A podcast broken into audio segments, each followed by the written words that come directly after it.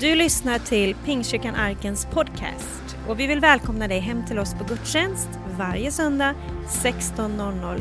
Välkommen hem! Ja, vi tackar dig far. Tack för allt du är för oss. Kan aldrig uttrycka det nog. Allt du är. Du är vår Herre, du är vår Gud, du är vår frälsare, du är vår Fader. Du är vår förlossare. Du är vår frihet. Prisa dig Herre. Tacka dig Herre. Tack för din närvaro. Tack för att din närvaro är ande och liv. Tack Jesus för att du sa, jag kommer för att de ska ha liv, ja liv i överflöd. Herre, vi ber bara att du ska ge oss liv idag. Bara blåsa rakt in med ditt liv. Kom med kraft i vår trötthet. Kom med hopp i vår modlöshet. Kom med ljus i vårt mörker. Kom med förlåts för all vår synd. Kom far.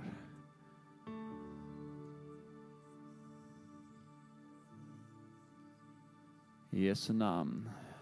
Amen.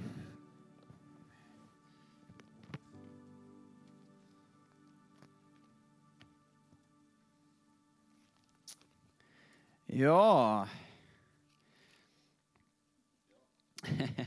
Så är det. Eh, det är ju fascinerande det här med Jesus. när, när han ska, ska jag så här tror jag, det här är tekniskt svårt men jag ska klara det.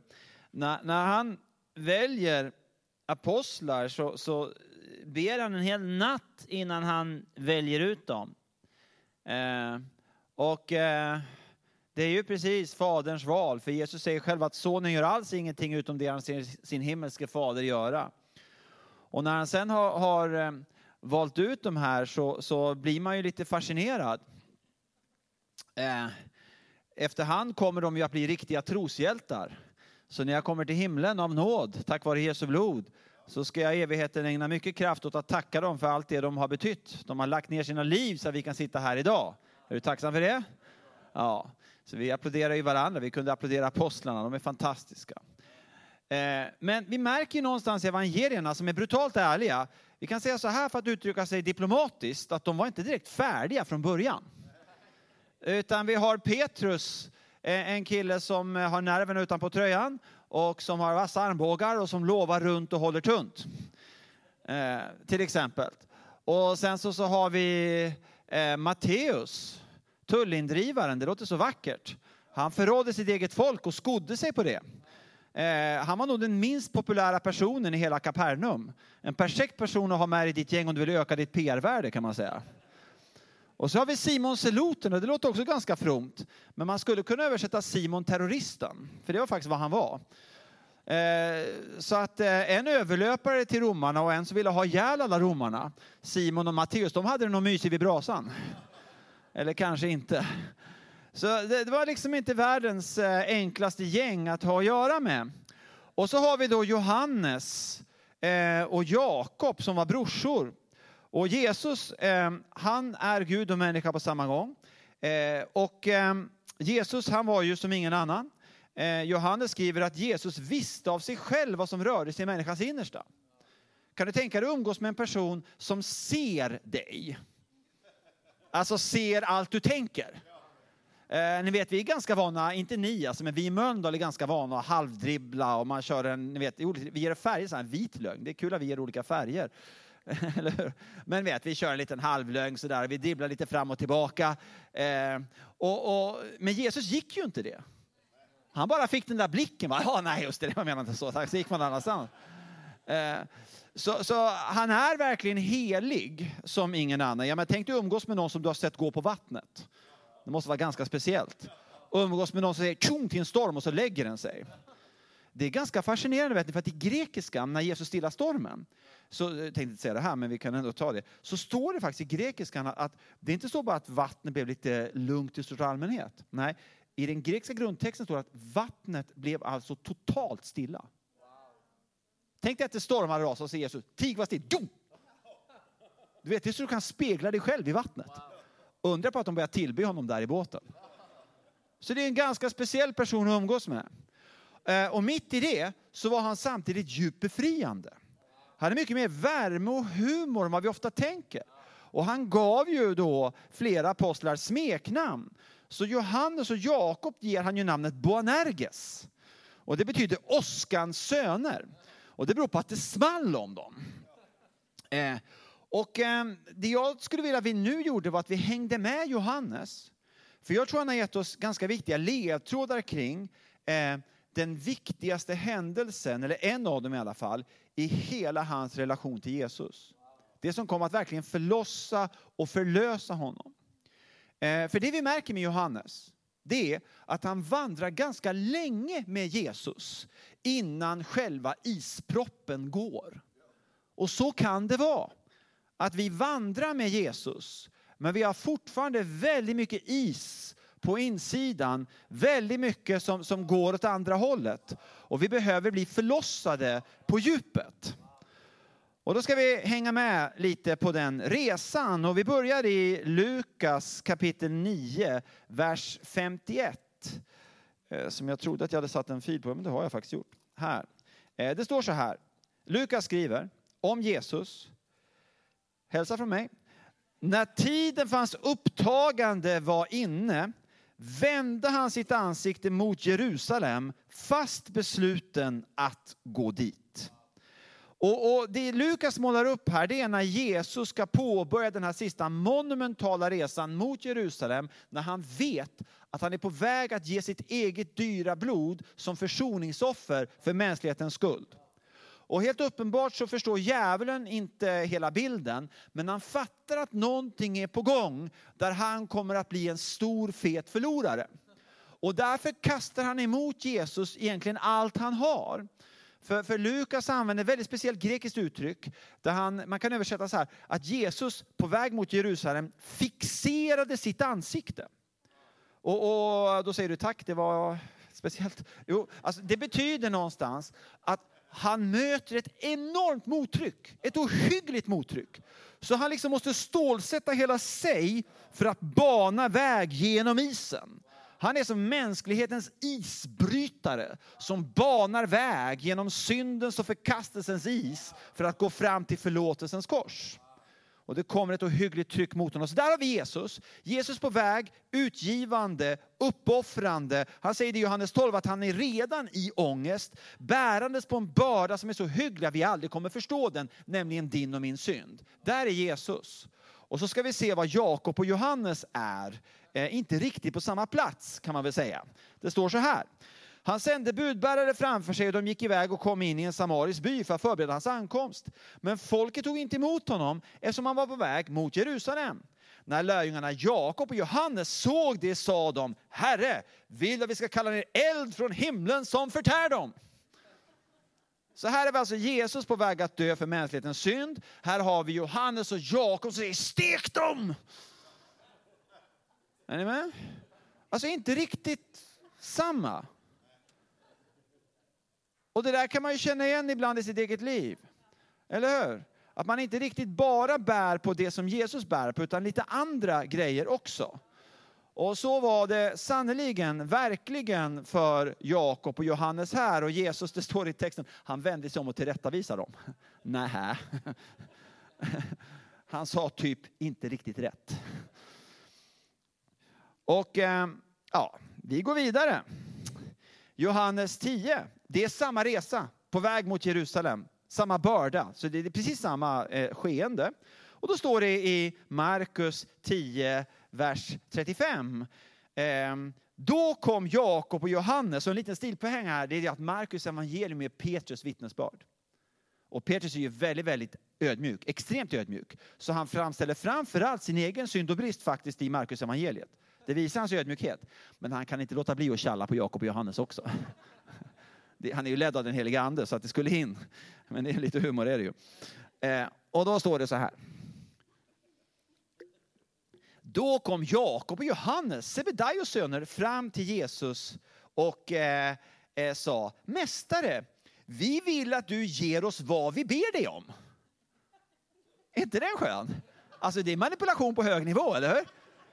Jag blir alltid nervös när någon kommer fram. Mina barn kan göra det ibland. Så kommer fram till mig och säger Säg ja nu pappa, säg ja nu pappa. Jag säger jag vill höra frågan först. Eller hur? Och nu kommer den lilla ödmjuka begäran. De svarade, låt oss få sitta bredvid dig i din härlighet. Den ene på din högra sida, den andra på din vänstra. Alltså inget annat än att ha de två främsta platserna i himlen. Inget mer än så. Och ni vet, det här blir ju ännu värre när vi studerar hur det fungerade i antiken. För i antiken var det nämligen så att om du kom in till en kung, egentligen vilken som helst, var som helst på den tiden, och du gick fram till kungen, så satt det två stycken på varsin sida, lite snett bakom, men du skulle aldrig någonsin undervärdera dem eller underskatta dem, för det var de två rådgivarna. Och när du frågade kungen någonting, då gjorde kungen så här. Mm, mm, mm, aha, och så säger kungen sen, det var så de två som egentligen styrde riket. Så det Jakob och Johannes ber om ingenting mindre än att få styra himlen i evighet. En ödmjuk liten förfrågan, eller hur? Och vi skrattar ju, eller hur? Men vi har en hel del i oss som vill synas och märkas. Eller hur? Det, det kokar och bor i oss liksom att vi vill också någonstans casha in i det här med att hänga på Jesus. På det ena eller andra sättet. Inte ni alltså, men andra. Så där har ni eh, två olika, och, surprise, i vers 41 står det, när de tio andra fick höra det här blev de upprörda över Jakob och Johannes. Kan ni tänka på den tiden kunde kristna bli osams och bli avundsjuka på varandra. Och, och, och, det som är så nästan makabert är att detta sker precis mitt när Jesus är på väg till Jerusalem för att lida och dö för mänsklighetens synd. Så det Johannes fick uppleva i det som jag får uppleva i mitt liv, inte så ofta, högst ett par gånger per dag, det är att det finns saker här inne som inte är i linje med det som finns där. Men Johannes vill hjälpa oss. Och han vill idag inte bara berätta om när han gick fel. Han vill framförallt berätta om, tror jag, vad som hände som kom att förlossa honom på djupet. För han har skrivit det i sitt eget evangelium, Johannes evangelium. På 90-talet efter Kristus, han är över 80 år gammal. Det har gått mer än 60 år sedan Jesus stod och uppstod. Då kallar den heliga ande honom att skriva ett evangelium. Och då skriver han ner eh, på något sätt ännu ett vittnesbörd, ännu en röst. Och när man kommer till Johannes 13 så får man väldigt tydligt intrycket att här ger Johannes oss sitt vittnesbörd om när han själv blev förlossad på djupet. Och eh, vi ska följa med. Vi följer med in i nattvardssalen. Men Johannes berättar inte om nattvarden, det gör de andra. Johannes berättar om ytterligare en sak som hände just där inne i nattvardssalen. Och eh, jag läser. Johannes 13.1. Det var strax före påskhögtiden. Jesus visste att hans stund hade kommit, att han skulle lämna denna värld och gå till Fadern. Han hade älskat sina egna här i världen, lyssna, och han älskade dem in i det sista. Och så kommer från vers 3. Jesus visste att Fadern hade gett allt i hans händer, att han utgått från Gud och skulle gå till Gud. Lägg märke till att redan där kommer en introduktion av fiffige Johannes. När han ledd av den helige ande talar om hur Fadern har lagt allting i Jesu händer. Nu kommer det komma ett väldigt viktigt fokus kring just Jesu händer.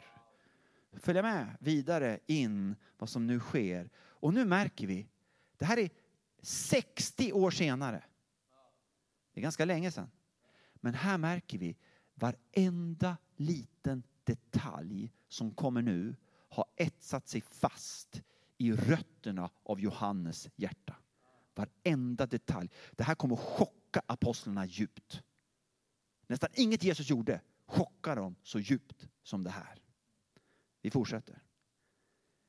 Han reste sig, Jesus, från bordet. Alla tittar upp. Va? Han reser sig. Vad händer nu? La av sig manteln och tog en linnehandduk som han knöt om sig. Sedan hällde han vatten i ett tvättfat. Lägger ni märke till detaljerna? Små, små detaljer. Det här mina vänner är ett ögonvittne. Sedan hällde han vatten i ett tvättfat och började tvätta lärjungarnas fötter och torka dem med handduken som han hade runt midjan. Så, så Johannes ger till och med detaljen att han tvättade fötterna till deras chock och han torkar dem till och med med handduken. Alltså allt han säger, han gjorde det noggrant, han gjorde det långsamt, han gjorde det omsorgsfullt. Han gjorde det inte bara som en religiös symbol, han gjorde det. Och eh, det finns en gång idag då jag inte vill att du ska vara med. Och det är när jag kommer till mitt rum ikväll och tar av mig mina skor. Och det är för din skull.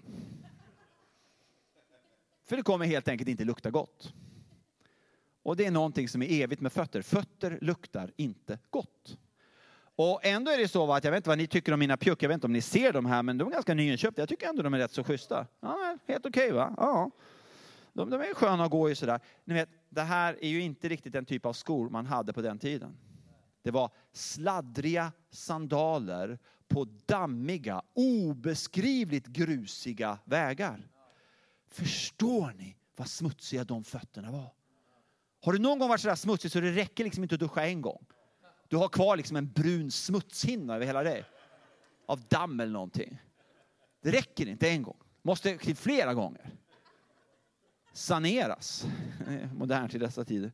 Men eh, nu då. Det var inte bara det att de var smutsiga. Fötterna var såriga kan tänka dig allt som har rispat och sårat och skrapat. Gamla, variga sår. Jag tror fötterna hos folk på den tiden var helt obeskrivligt såriga och inflammerade. Och de händer som omsorgsfullt och kärleksfullt berör och tvättar varje fot. Jag tror de fick en chock. För det är inte nog med att bara fötterna var helt rena som de var nyfödda. Personligen tror jag att inte ett sår var kvar på foten. Genom hans sår är vi helade. Var helt friska. Och ni vet, tvätta fötter var så äckligt. Det var, det var så, så nedlåtande tyckte man. Så man fick inte ens göra det om man var slav. Ni förstår, det säger någonting. I alla fall inte judisk lag fick man inte tvätta fötter. Men Jesus, han tvättade deras fötter. Vad säger nu det här? Ja, vi kan först titta på resultatet. För Johannes, Oskans son, som fram till nu verkar ha hävdat mest sig själv. Här förvandlas han. Och det kan vi läsa om i Johannes 13. För Jesus eh, nu genom sin fotatvagning kommer att beröra Johannes så att Johannes ger sig själv ett nytt namn från och med nu. Han kallar sig något annat. Och vi har det i vers 23. Då står det om Johannes, en av Jesu lärjungar, den som Jesus älskade. Så från och med nu kallar Johannes inte för Johannes, utan han säger, jaha, hej, jag är den som Jesus älskar. Och det är inte längre jag ska vara bäst i himlen, jag ska ha plats ett eller två liksom och dom och eld över alla. Så, utan nu plötsligt är det, jag är lärjungen som Jesus älskar. Och nästa sak det står om Johannes är att han lutar sig mot Jesu bröst. Kolpon, det är det här området. Johannes är den enda förutom jungfru Maria som vi vet har hört Jesu hjärtslag. Och allt kom när han fick bli tvagen, tvagen när Jesus fick tvätta hans fötter.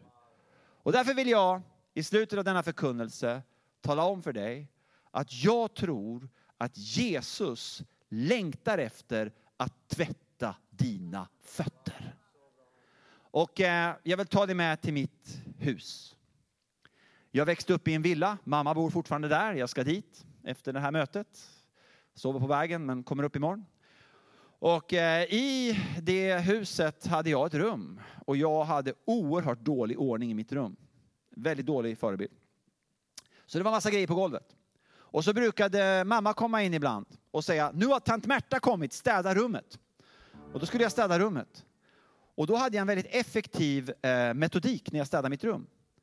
Jag tog alla saker som låg på golvet och slängde in i garderoben.